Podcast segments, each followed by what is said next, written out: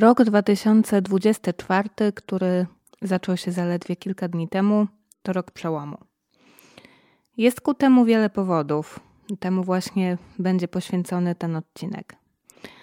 Na samym początku chcę powiedzieć Wam, że i dla mnie to jest rok znaczących i długo wyczekiwanych zmian.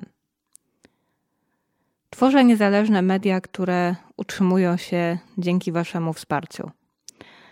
W tym roku bardziej niż kiedykolwiek chcę rozwinąć projekt Techspresso, regularnie pisać dla Was teksty w serwisie, publikować posty edukacyjne w mediach społecznościowych, co tydzień dostarczać newsletter i nowy odcinek podcastu.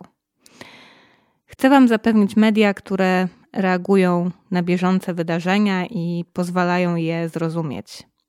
Media bez clickbaitów, bez siania paniki, bez strachu. Takie, które opowiedzą, jak pod wpływem rozwoju technologii zmienia się nasz świat i nasze życie, ale też na te zmiany przygotują. Tego się nie da robić po godzinach. Zrozumiałam, że nie tylko ja to widzę. W ciągu ostatniego miesiąca Wasze wsparcie dla Techspresso znacząco wzrosło i to był dla mnie kluczowy sygnał, że potrzebujecie tych mediów. Postanowiłam więc całkowicie zaangażować się w ten projekt i zakończyć współpracę z redakcją, która do tej pory kupowała ode mnie depesze i analizy. Oznacza to, że teraz w serwisie Techspresso pojawi się więcej materiałów. Będą, tak jak prosiliście, analizy, pogłębione teksty na ciekawe dla Was tematy. Dzięki Wam będą się też regularnie ukazywać podcast i newsletter. Mam nadzieję, że dzięki temu Wasze wsparcie dla Techspresso będzie rosło, bo tylko w ten sposób wspólnie tworzymy prawdziwe, niezależne media społeczno-technologiczne. Im większe to wsparcie będzie, tym rola Techspresso będzie ważniejsza. Nie tylko w zakresie dostarczania Wam wiedzy, ale i realnego wpływu na rzeczywistość. Dlatego dziękuję za każdą, nawet najmniejszą wpłatę i proszę o wsparcie Techspresso w 2024 roku. Chcę dla Was pracować.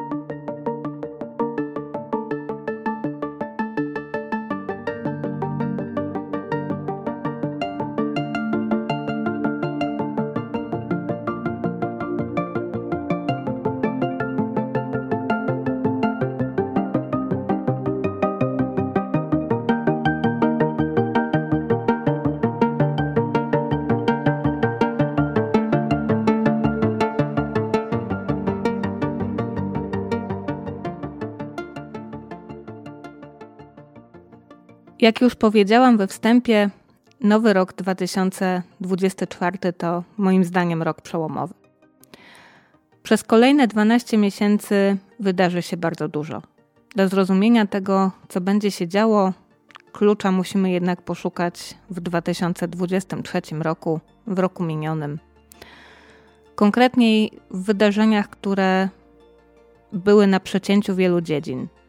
Mówimy tutaj o rozwoju nowych technologii, ale też o prawie, o regulacjach, wreszcie o geopolityce i o gospodarce. 2023 rok był na pewno tym rokiem, kiedy sfera cyfrowa zaczęła być postrzegana wreszcie jako czynnik zmiany, nawet przez osoby, które do tej pory były względem tego sceptyczne. Nie chcę robić w swojej audycji klasycznego podsumowania, w którym wychodzi się od wylistowania najważniejszych danym roku wydarzeń. Po pierwsze, dla każdego z Was najważniejsze może być co innego. Po drugie, takich rankingów wydarzeń w internecie jest już naprawdę bardzo dużo i myślę, że można sobie z powodzeniem samodzielnie przewertować wiodące serwisy technologiczne i doinformować się. Kluczem do mojego podsumowania roku są problemy i zmiany. I dlatego wybrałam dla Was trzy pola, które moim zdaniem w 2023 roku wywarły znaczący wpływ na wydarzenia w sferze cyfrowej, i tym samym na społeczne skutki jej obecności w naszym życiu. To są także trzy kwestie istotne dla tego, czego możemy spodziewać się po przyszłości, przynajmniej tej bliskiej, a za taką uznajmy, żeby zachować chociaż trochę nadziei, rozpoczęty właśnie rok 2024. Osie odcinka będą trzy. Pierwsza z nich to regulacja. Nawet Stany Zjednoczone, zwyczajowo bardzo regulacją niechętne, zrozumiały, że nastał w końcu czas, kiedy zmiana podejścia do prawa do regulacji jest konieczna. Opowiemy sobie więc, dlaczego i w jakim wymiarze ta zmiana nastąpiła. Druga oś to zaostrzenie konfliktu handlowego pomiędzy Stanami Zjednoczonymi a Chinami. O tym, jak wojna handlowa między Waszyngtonem a Pekinem się zaczęła, jaka jest jej geneza i dlaczego ta wojna jest taka istotna, mówiłam w 24 odcinku podcastu, który otworzył cykl o Chinach o nazwie Cyfrowe Jedwabne Szlaki. Odcinek jest na Spotify, odcinek jest też e, na innych platformach. Jeżeli interesuje Was to, w jaki sposób doszło w ogóle do wojny handlowej pomiędzy USA a Chinami, to tam sięgnijcie. Trzecia oś, wreszcie, która pozwoli nam domknąć takie trójwymiarowe i wszechstronne spojrzenie na ubiegły rok, to kwestie związane z rozwojem technologii sztucznej inteligencji.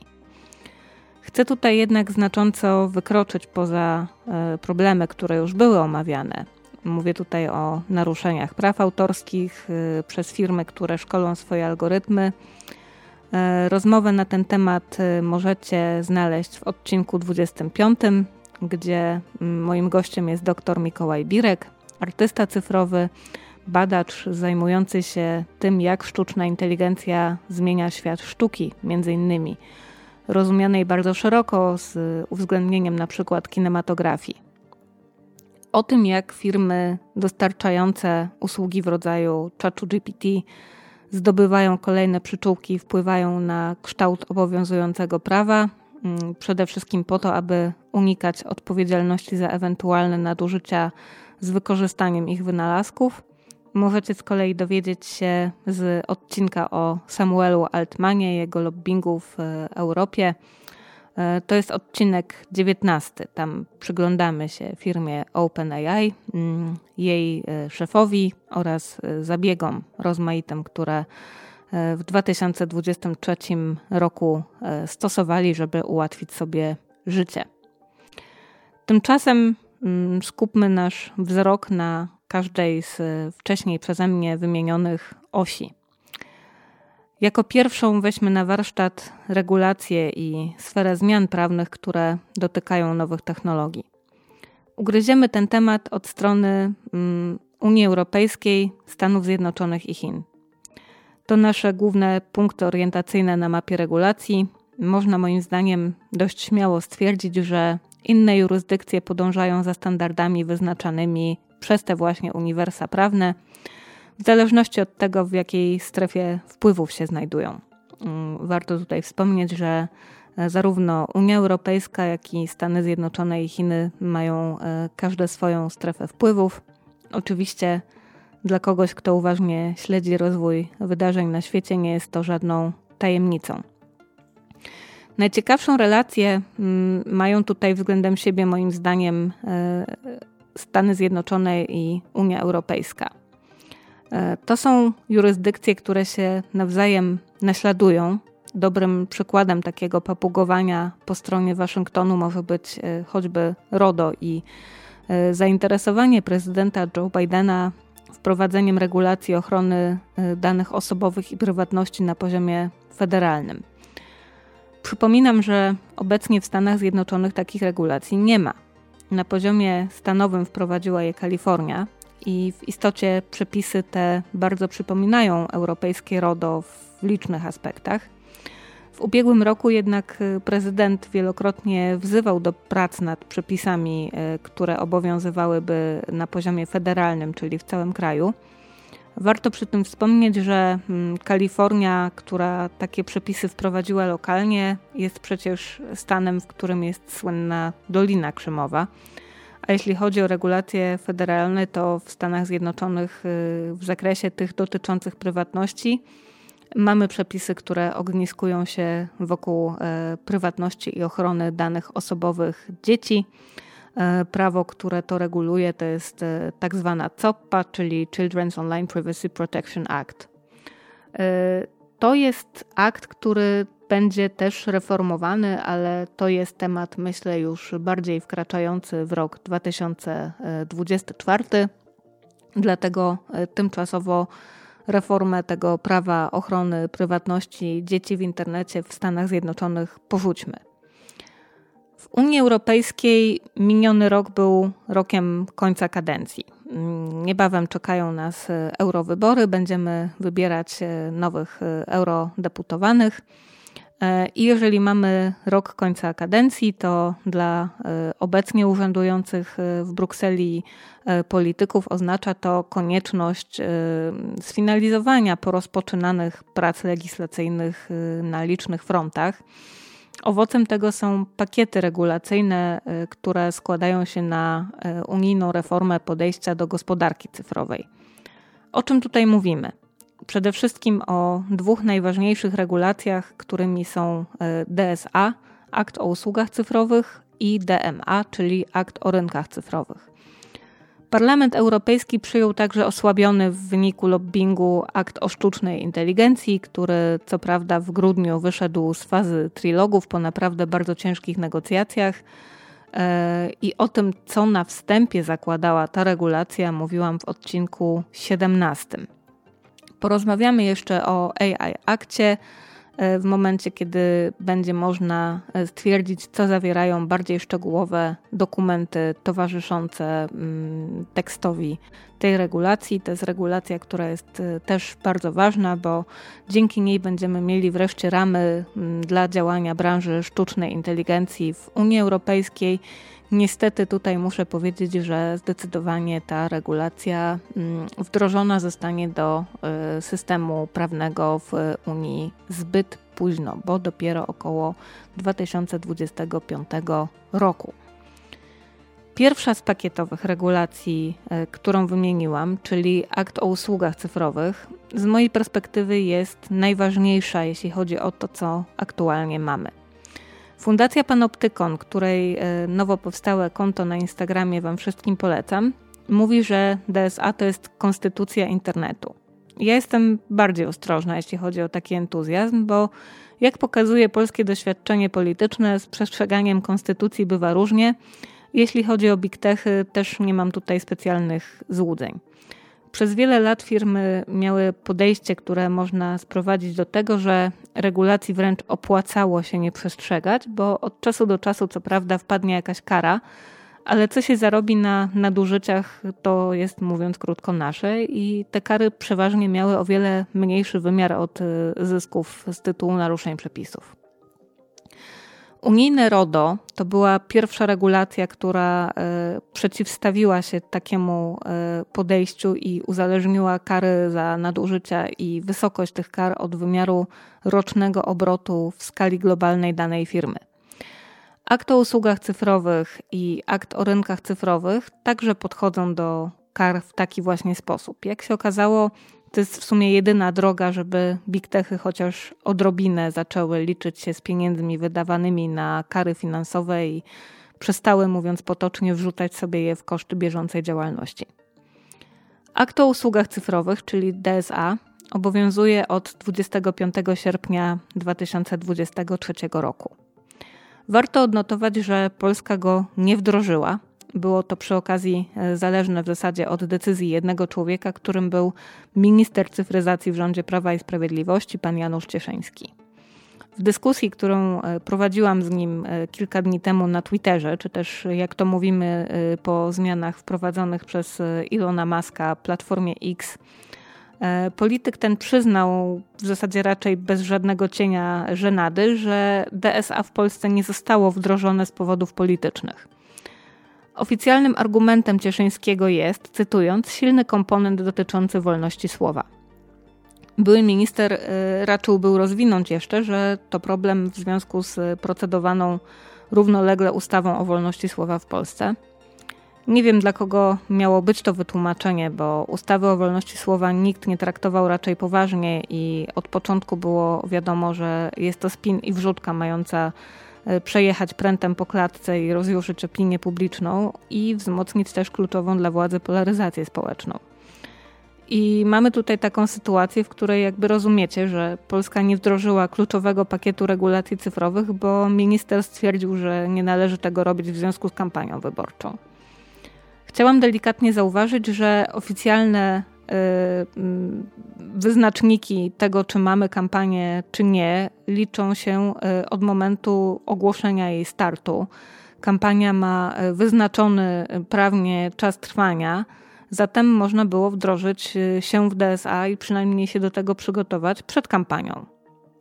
Argument, który mm, dostałam w odpowiedzi – Kampania w sumie w Polsce trwa cały czas. Mm, nie napisał tego minister Cieszyński, ale środowiska związane z jego e, resortem i e, cóż, no po prostu witki opadają na tego rodzaju reakcje.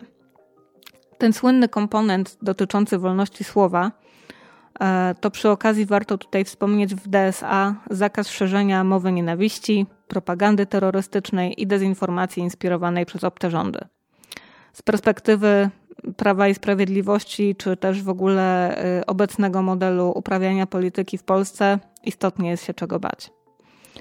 Odchodząc y, od wątku polskiego, to akt o usługach cyfrowych jest ważny przede wszystkim dlatego, że definiuje tak zwane wlopy. Mówimy tutaj o wlopach, y, czyli o Very Large Online Platforms – o wielkich platformach online, które pełnią dominującą rolę w obecnym życiu cyfrowym. W kwietniu ubiegłego roku poznaliśmy pierwszą listę wlopów, które e, z tytułu e, DSA podlegają pod nowe obowiązki i rygory. Na liście znalazło się 8 platform społecznościowych. Są to Facebook, TikTok, Twitter, czyli X, YouTube, Instagram, LinkedIn, Pinterest i Snapchat. Oprócz nich pod nowe przepisy podlega pięć platform handlu elektronicznego, czyli Amazon, serwis Booking.com, AliExpress, Google Shopping i Zalando.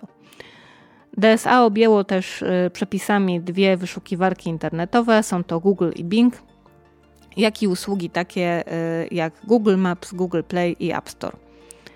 Ostatecznie w e, końcu ubiegłego roku na listę wlopów trafiły także, co ciekawe, trzy serwisy z treściami dla dorosłych. Jedynym podmiotem, który się troszeczkę wyłamuje z tej listy i który działa w systemie non-for-profit jest Wikipedia, która też jest wielką platformą online. E, I te wszystkie platformy, które wymieniłam, mm, były zobowiązane do tego, żeby w swoje e, działanie wdrożyć przepisy DSA do sierpnia. Był to wiążący termin. Obowiązki nakładane na firmy z tej e, listy, którą przed chwilą Wam przypomniałam, można łatwo sprowadzić do dwóch kwestii.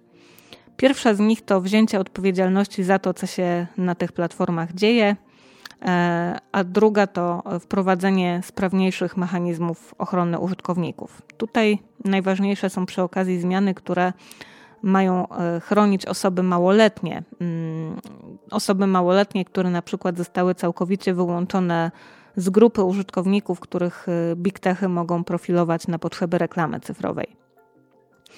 Inne obowiązki mm, wlopów to samodzielna ocena ryzyka i usuwanie go, jak i moderacja treści z użyciem własnych narzędzi. To jest ten zapis budzący wielkie kontrowersje w odczuciu ministra Cieszyńskiego, że platformy będą moderować.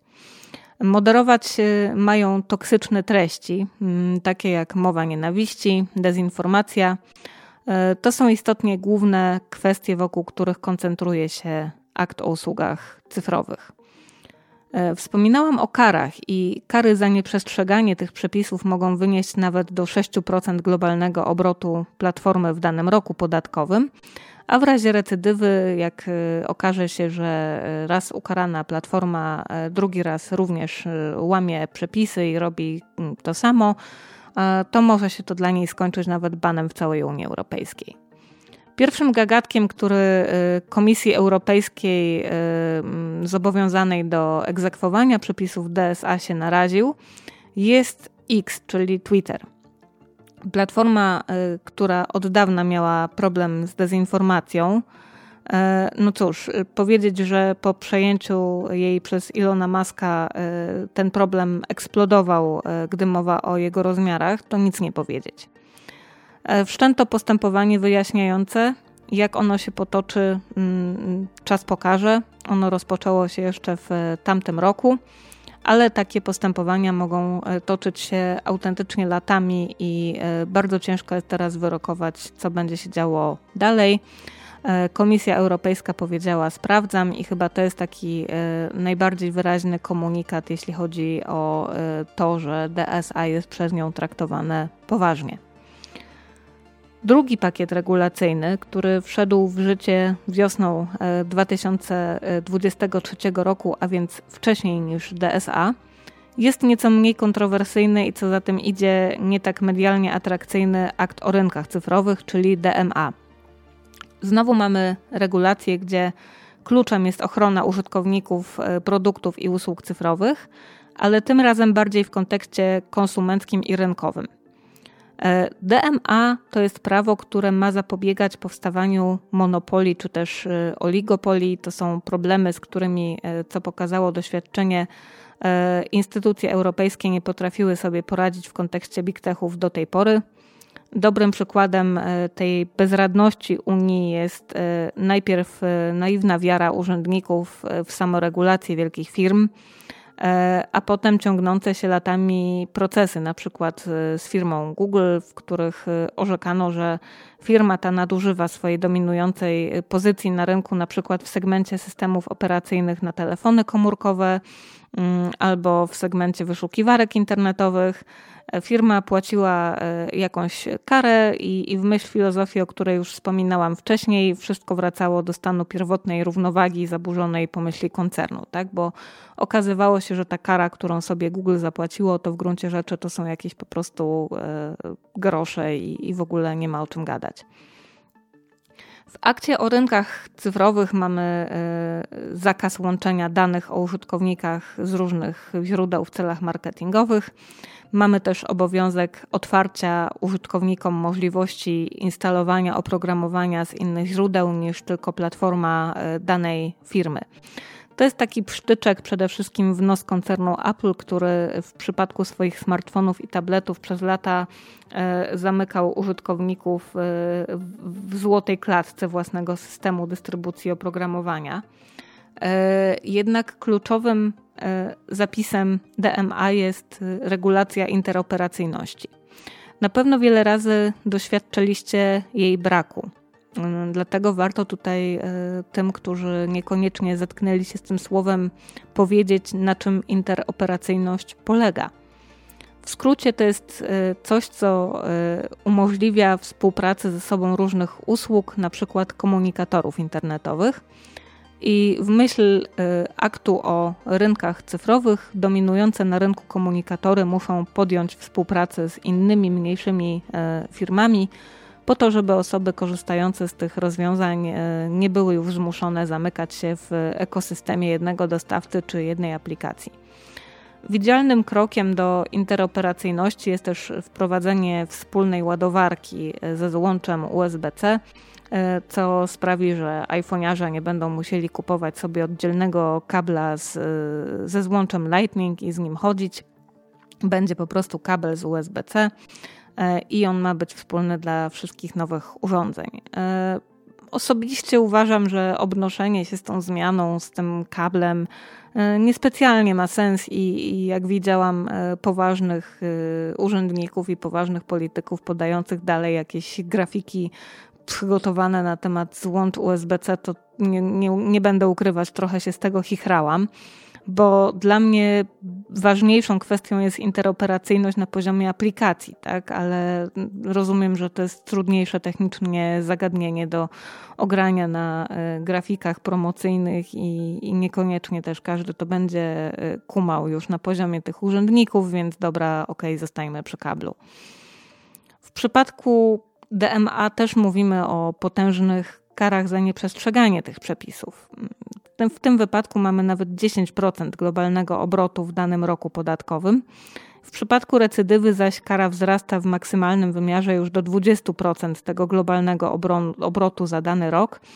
I jeżeli o to chodzi, to ja myślę, że jednak jest się czego bać. Jak weźmiemy pod uwagę e, obrót osiągany na przykład przez e, Metę, czyli Facebooka albo e, koncern Google. Akt o rynkach cyfrowych warto przy tym wspomnieć, że dotyczy niemal każdego poziomu i aspektu działania cyfrowej gospodarki. I y, jest to takie naprawdę bardzo niskopoziomowe prawo dotykające y, licznych aspektów y, wpływających na nasze życie, jeśli chodzi o tę gospodarkę. Mimo tego, że to nie jest takie sexy, nie można tutaj mówić, że się nie wdraża DMA, bo, bo wolność słowa. Okej, okay, tani żart, ale po prostu niestety tak wygląda rzeczywistość. To jest ważna regulacja ona ma przynieść ulgę w kwestiach, y, w których, jak wspomniałam, y, do tej pory Unia Europejska nie za bardzo sobie radziła. I firmy z segmentu big techów mm, ma niejako to wziąć w karby, bo do tej pory zachowywały się bardzo agresywnie. To jest pakiet przepisów, który ma między innymi powstrzymywać gigantów przed drapieżnym i wrogim wykupywaniem sobie mniejszej konkurencji. E, widzieliśmy takie wykupienia w przypadku Facebooka, dzisiaj Mety mm, i komunikatora WhatsApp, a także przez e, przejęcia Instagramu. Ani WhatsApp, ani Instagram nie należały kiedyś do koncernu Marka Zuckerberga, tylko istniały niezależnie. Facebook uznał je w pewnym momencie jednak za zagrożenie i po prostu je pożarł.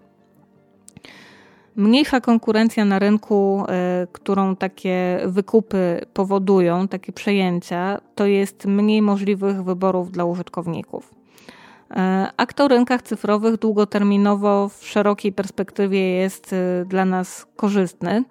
Jednak muszę tutaj wrzucić też kamyczek do ogródka regulatorów i przyznać, że jeśli chodzi o argumentację wielkich firm nastawionych krytycznie do tej regulacji, to przekonuje mnie ta, którą dostarczył koncern Apple. Stwierdził on, że otwarcie się na dystrybucję oprogramowania spoza platformy App Store to jest krok w stronę większego zagrożenia dla prywatności i bezpieczeństwa użytkowników urządzeń tej firmy.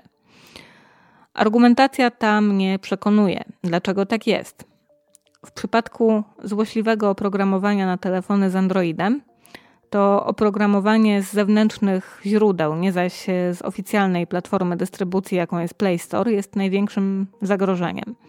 Bardzo łatwo jest e, dorobić się jakiegoś malware na swoim telefonie, jeżeli e, pobieramy aplikacje niewiadomego pochodzenia.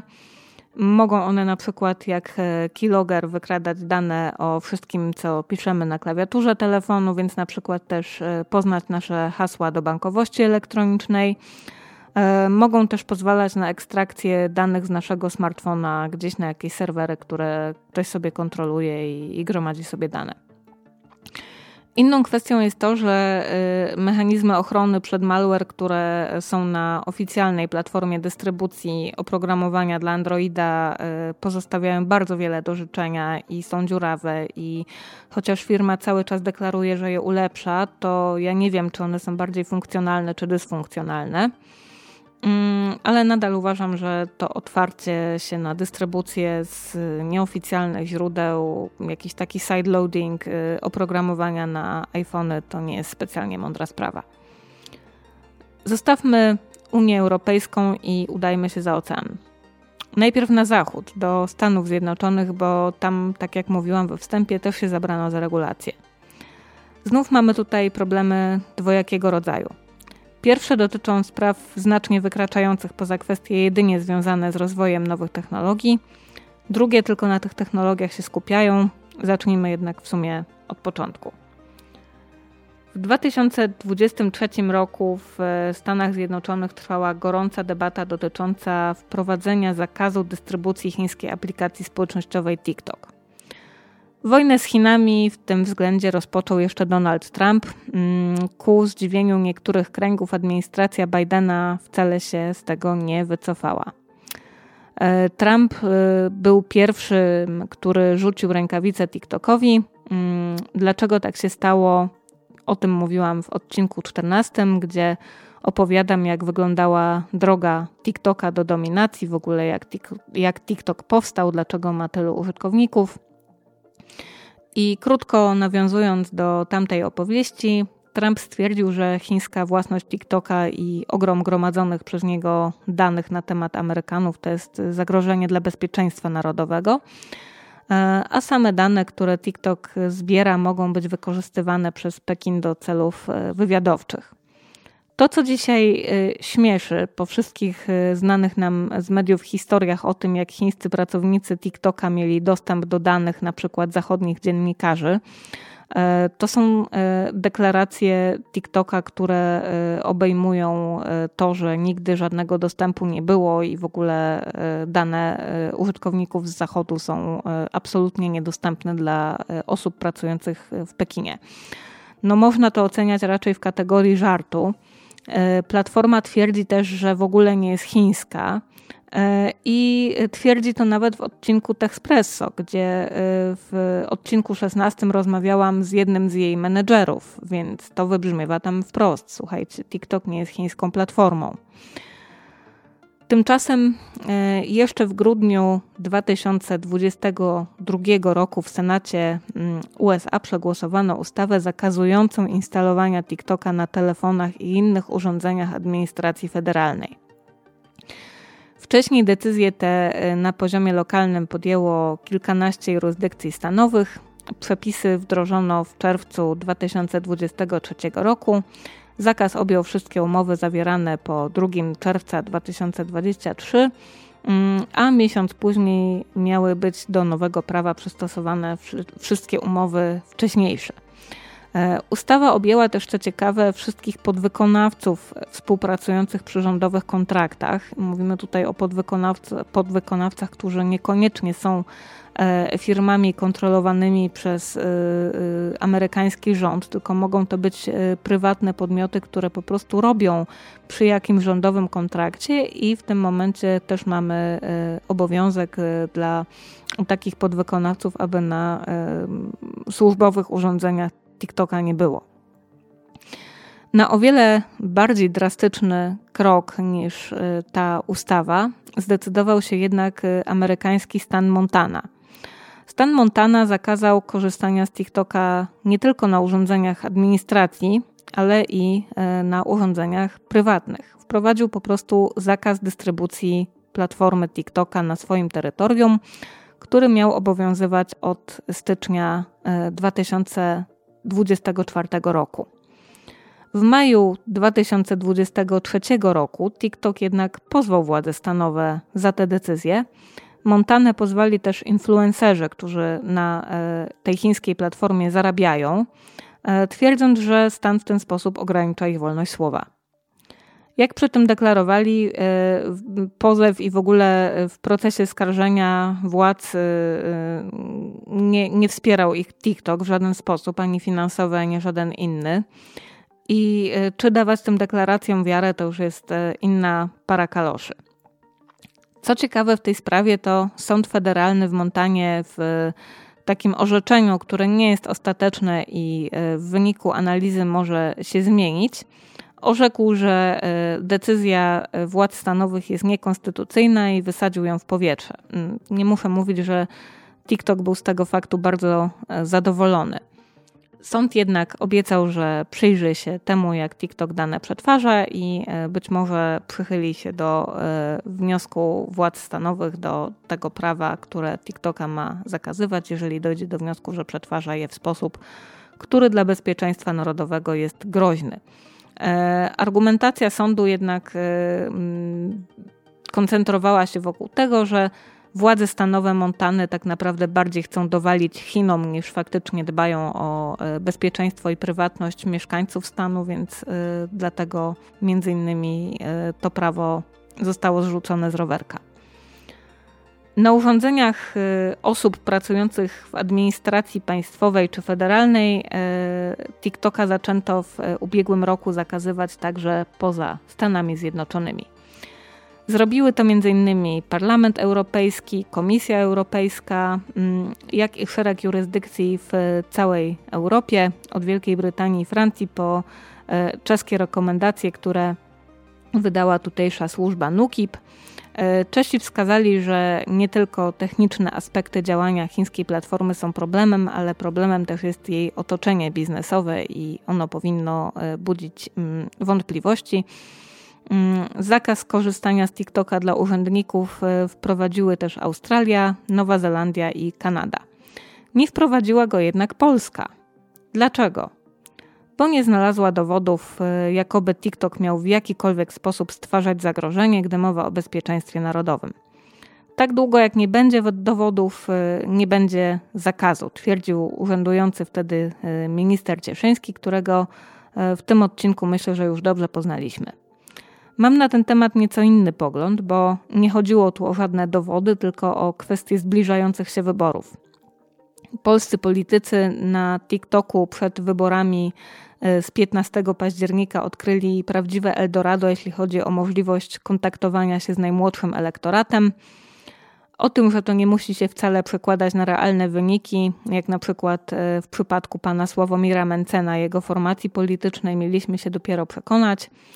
Myślę jednak, że y, oddziaływanie polityczne i możliwości, jakie daje y, w tym zakresie TikTok, są też y, jednym z powodów braku federalnego zakazu dystrybucji tej aplikacji na prywatnych czy też cywilnych urządzeniach w Stanach Zjednoczonych. Z platformy korzysta co trzeci dorosły Amerykanin, a politycy w Stanach Zjednoczonych dobrze wiedzą, że dotarcie do elektoratu y, jest absolutnie kluczową kwestią, jeśli mówimy dzisiaj o komunikacji, to dotarcie w mediach społecznościowych.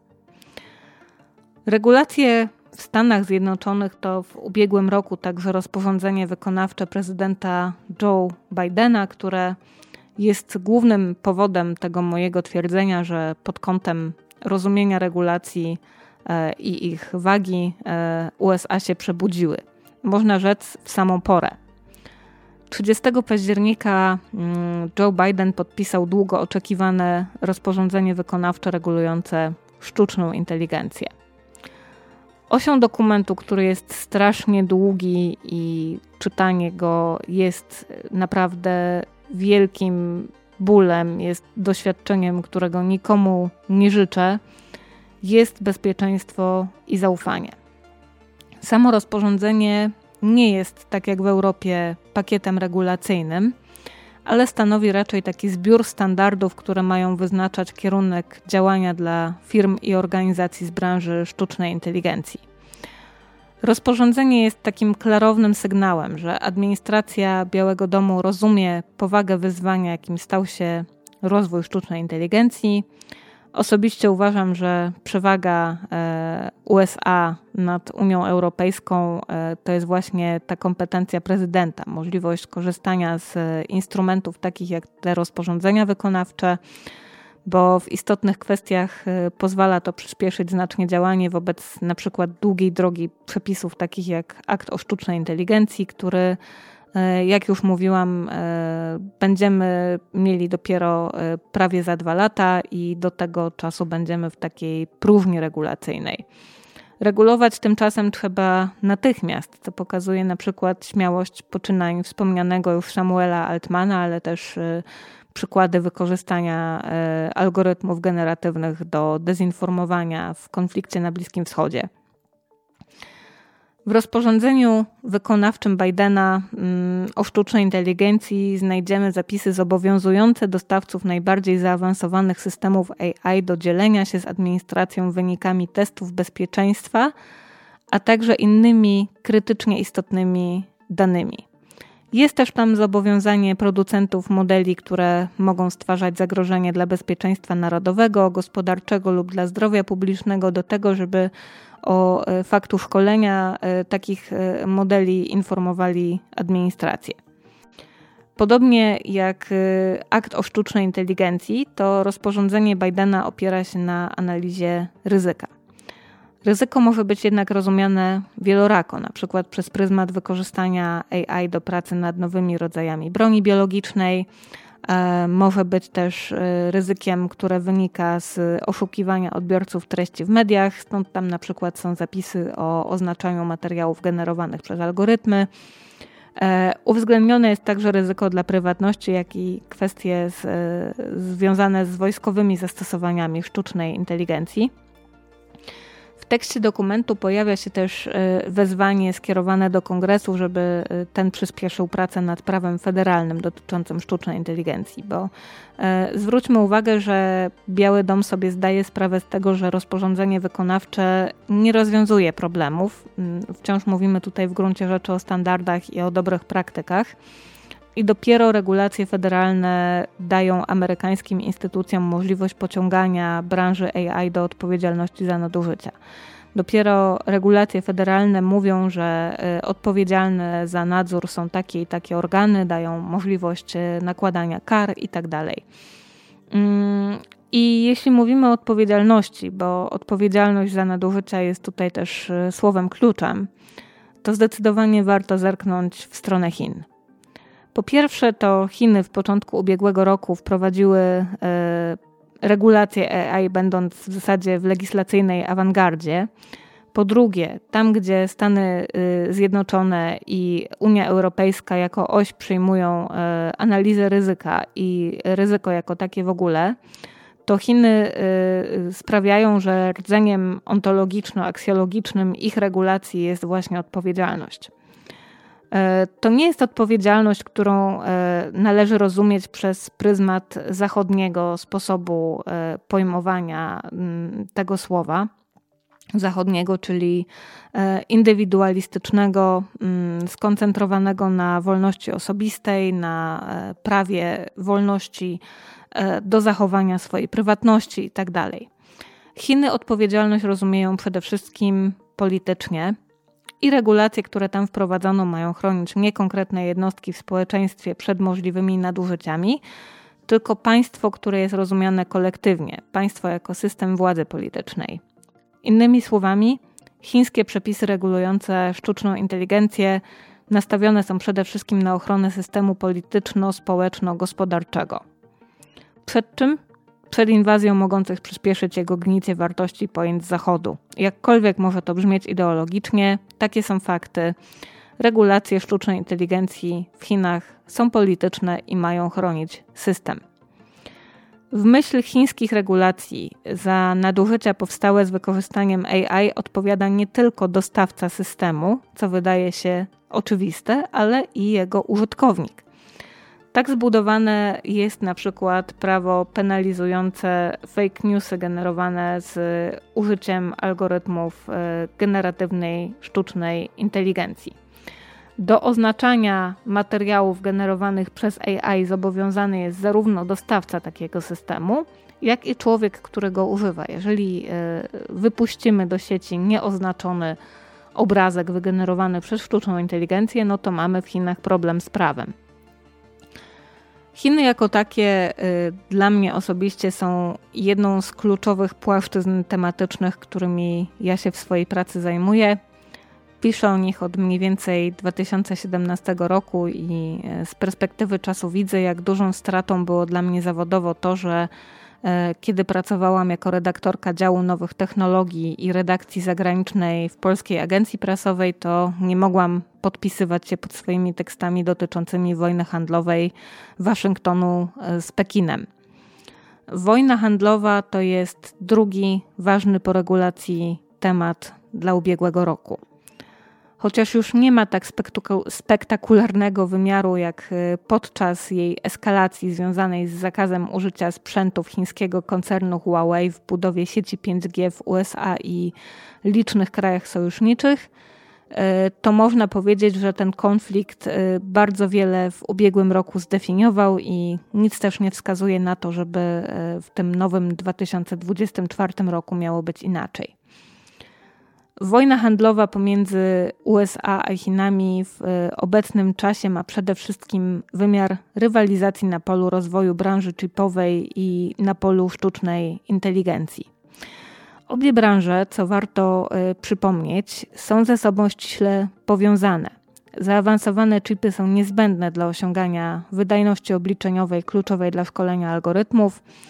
E, sam rozwój sztucznej inteligencji to są zaś nie tylko produkty i usługi konsumenckie, o których jeszcze w tym odcinku nieco powiem, ale to jest także wojsko, to jest e, budowa twardej przewagi militarnej. Jak? Przez znaczne zwiększenie analitycznej mocy przerobowej, jeżeli mówimy o pracy z danymi, ale też przez możliwość na przykład e, tworzenia propagandy generowanej algorytmicznie dla potrzeb operacji wpływu a ostatecznie y, o zastosowaniach AI w systemach podobnych do tych, jakich y, obecnie używa Izrael. Mówimy tutaj o narzędziach do zautomatyzowanego podejmowania decyzji o celach ofensywnych działań kinetycznych. Jak y, sobie spojrzymy w szerszej perspektywie, to zobaczymy, że e, wrze konflikt e, wokół e, Tajwanu. On się jeszcze nie wypełnił, on nie ma otwartego wymiaru, ale to napięcie cały czas wzrasta i według Pentagonu w jawnej części strategii cyberbezpieczeństwa opublikowanej w ubiegłym roku, Chiny przygotowują się do wojny i będzie to wojna o Tajwan, więc kluczowe jest to, żeby E, ten rozwój sztucznej inteligencji i rozwój technologiczny e, z perspektywy Stanów Zjednoczonych w Chinach e, zahamować. Rok 2023 to jest dlatego właśnie kontynuacja polityki nakładania na Chiny sankcji przez Stany Zjednoczone. Głównym celem e, tych sankcji jest efektywne e, zablokowanie Pekinowi dostępu do e, zaawansowanych chipów, jak i do komponentów i technologii niezbędnych do ich produkcji. Czy sankcje są skuteczne? Generalnie tak. Jednak Chiny nie są głupie ani prostackie, tak jakby to się mogło wydawać jeszcze we wczesnych latach 2000 E, wtedy to kraj kojarzył nam się potocznie z tanimi, słabej jakości towarami. Tymczasem mm, prezydent Xi Jinping na sankcje amerykańskiej administracji mm, reaguje w dwójnasób. Po pierwsze, e, dając gospodarce wytyczne e, zdążania w kierunku samowystarczalności, jak i inwestując w rozwój cyberkadr, bo jednym z kluczowych elementów działań na rzecz obchodzenia sankcji jest cyberszpiegostwo E, cyberszpiegostwo, które od wielu lat jest ukierunkowane na wykradanie danych o własności intelektualnej, o nowych patentach i wynikach badań. Mm, to właśnie w ten sposób Chiny e, zdobywają e, niezbędne elementy układanki rozwojowej, jeżeli chodzi o nowe technologie, o różne inne dziedziny, takie jak medycyna. I niestety cyberszpiegostwo chińskie jest rosnącym zagrożeniem.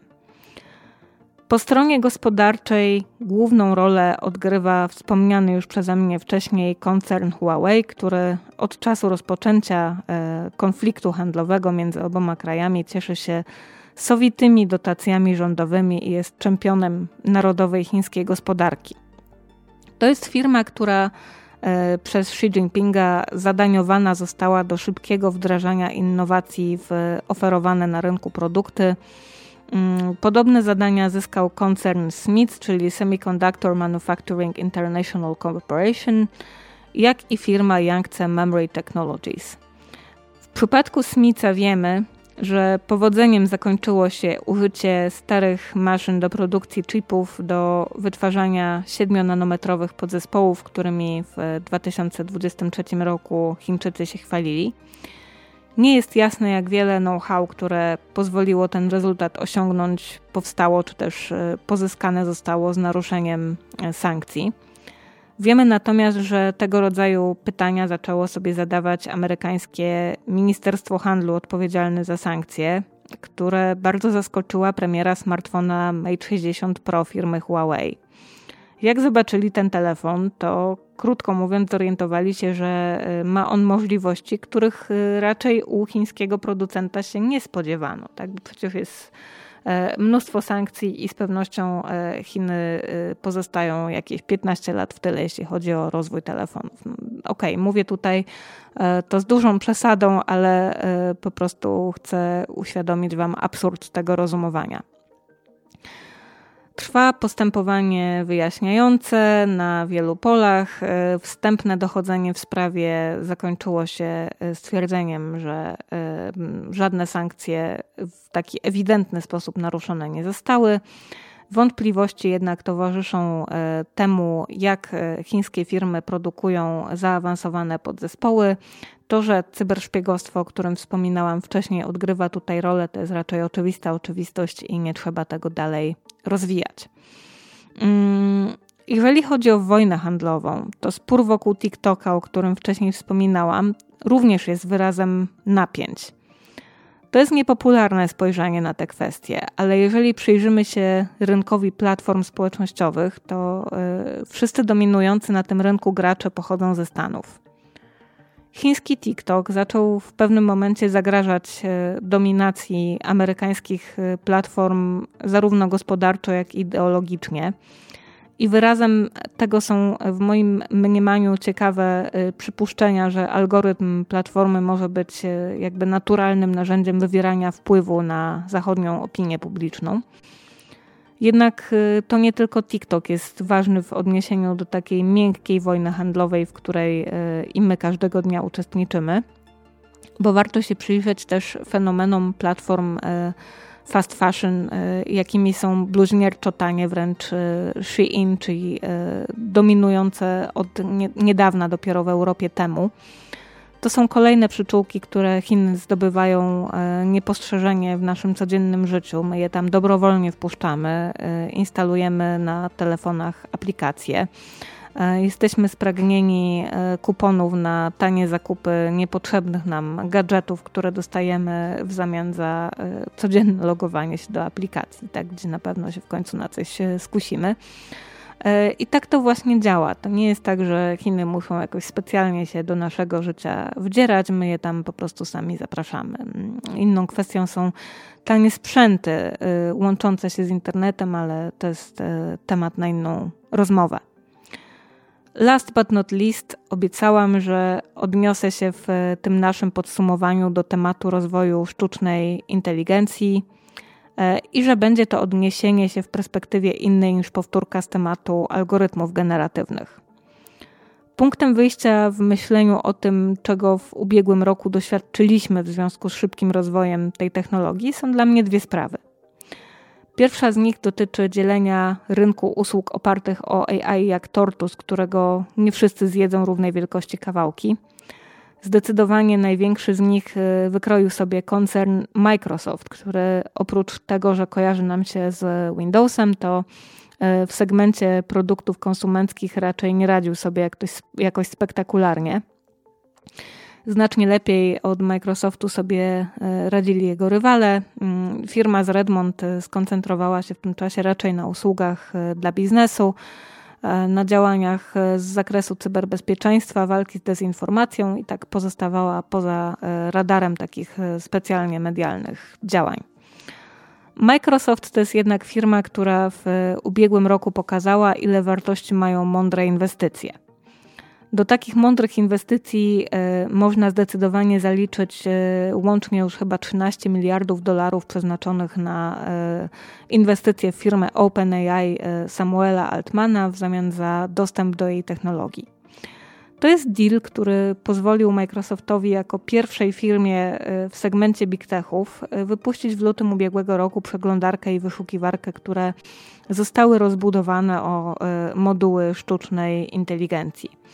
Co ciekawe, to produkty te okazały się funkcjonalne i zostały przez y, użytkowników przyjęte raczej dobrze, w przeciwieństwie do chatbota BART y, konkurencyjnego Google'a, który w zasadzie skompromitował się w dniu premiery i y, ogólnie pracownicy Google'a byli z powodu przyspieszonej premiery Barda bardzo niezadowoleni. W ostatnich dniach ubiegłego roku Głośna w mediach stała się zapowiedź y, Microsoftu o tym, że rok 2024 to będzie rok AI i w ogóle y, nastąpi pierwsza od trzech dekad zmiana y, na klawiaturach nowych komputerów z Windowsem. Okazało się, że pojawi się tam przycisk skrótu do usługi Copilot, która jest takim centrum rozwiązań AI dostępnych dla użytkowników usług Microsoftu. I te informacje można albo wyśmiać, albo potraktować to symbolicznie.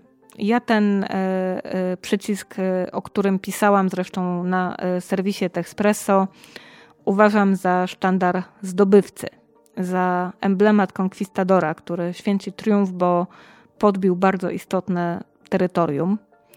I jeżeli dla Microsoftu rok 2024 ma być rokiem AI, myślę, że z pewnością będzie, tak, bo właśnie firma wykazała się wielką biznesową mądrością i, i sprytem, współpracując blisko z OpenAI. To e, myślę też, że jeśli chodzi o popularne rozwiązania, ich jakość, to e, Copilot Microsoftu na długo ma zapewnione pierwsze miejsce na podium i ten przycisk jest jakby takim widzialnym świadectwem tego.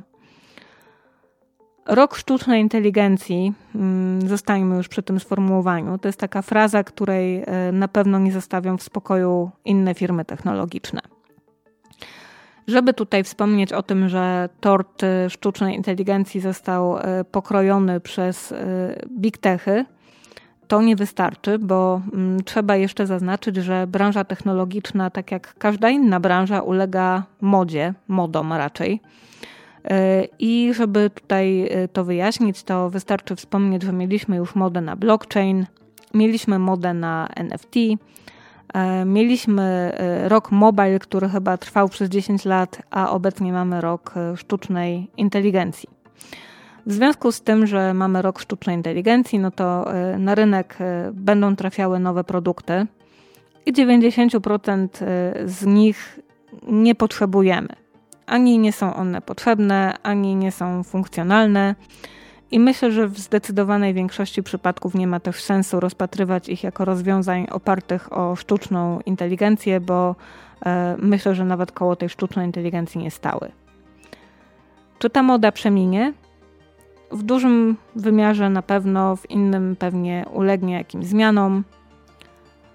Reasumując e, to wszystko, cośmy sobie powiedzieli, uważam, że Istotne jest jednak, żebyśmy podchodzili do tej mody jak najbardziej świadomie i żebyśmy stracili dzięki tej świadomości jak najmniej w czasie, kiedy mm, sztuczna inteligencja święci triumfy jest modna. Prywatność i bezpieczeństwo to są rzeczy, które są ważniejsze niż moda. To nieprzemijalne wartości i myślę, że warto o tym w tym nowym roku pamiętać. Dziękuję, że wysłuchaliście tego pierwszego w 2024 roku odcinka. Zachęcam do wspierania Texpresso na Patronajcie, na Bajkofitu, do czytania serwisu, do subskrypcji newslettera i do zobaczenia w sieci, do usłyszenia w kolejnym odcinku.